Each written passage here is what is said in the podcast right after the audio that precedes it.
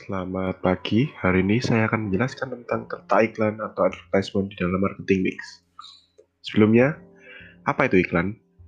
Iklan menurut penjelasan telah diberikan oleh Boomer yang merupakan semua bentuk nyajian pesan-pesan yang bersifat non-personal terhadap suatu produk yang dibayar oleh suatu perusahaan. Iklan dibuat dengan tujuan agar produk yang mereka keluarkan dapat diketahui dan dibeli oleh orang yang menerima sasaran iklan tersebut, yaitu halayak, target audience, dan target market. Letak iklan dalam marketing mix ada di bagian dari bauran promosi atau promotion mix. Sedangkan promotion mix sendiri juga merupakan bauran dari bauran pemasaran atau marketing mix. Bauran-bauran yang terdapat di dalam marketing mix adalah produk atau produk, price atau harga, place atau tempat, dan bauran promosi atau promotion mix itu sendiri.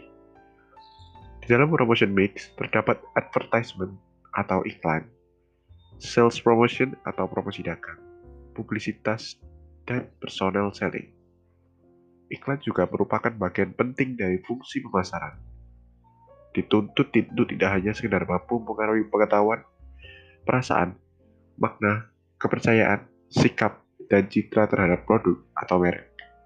Sekian dari penjelasan saya tentang letak iklan atau advertisement di dalam marketing mix. Terima kasih.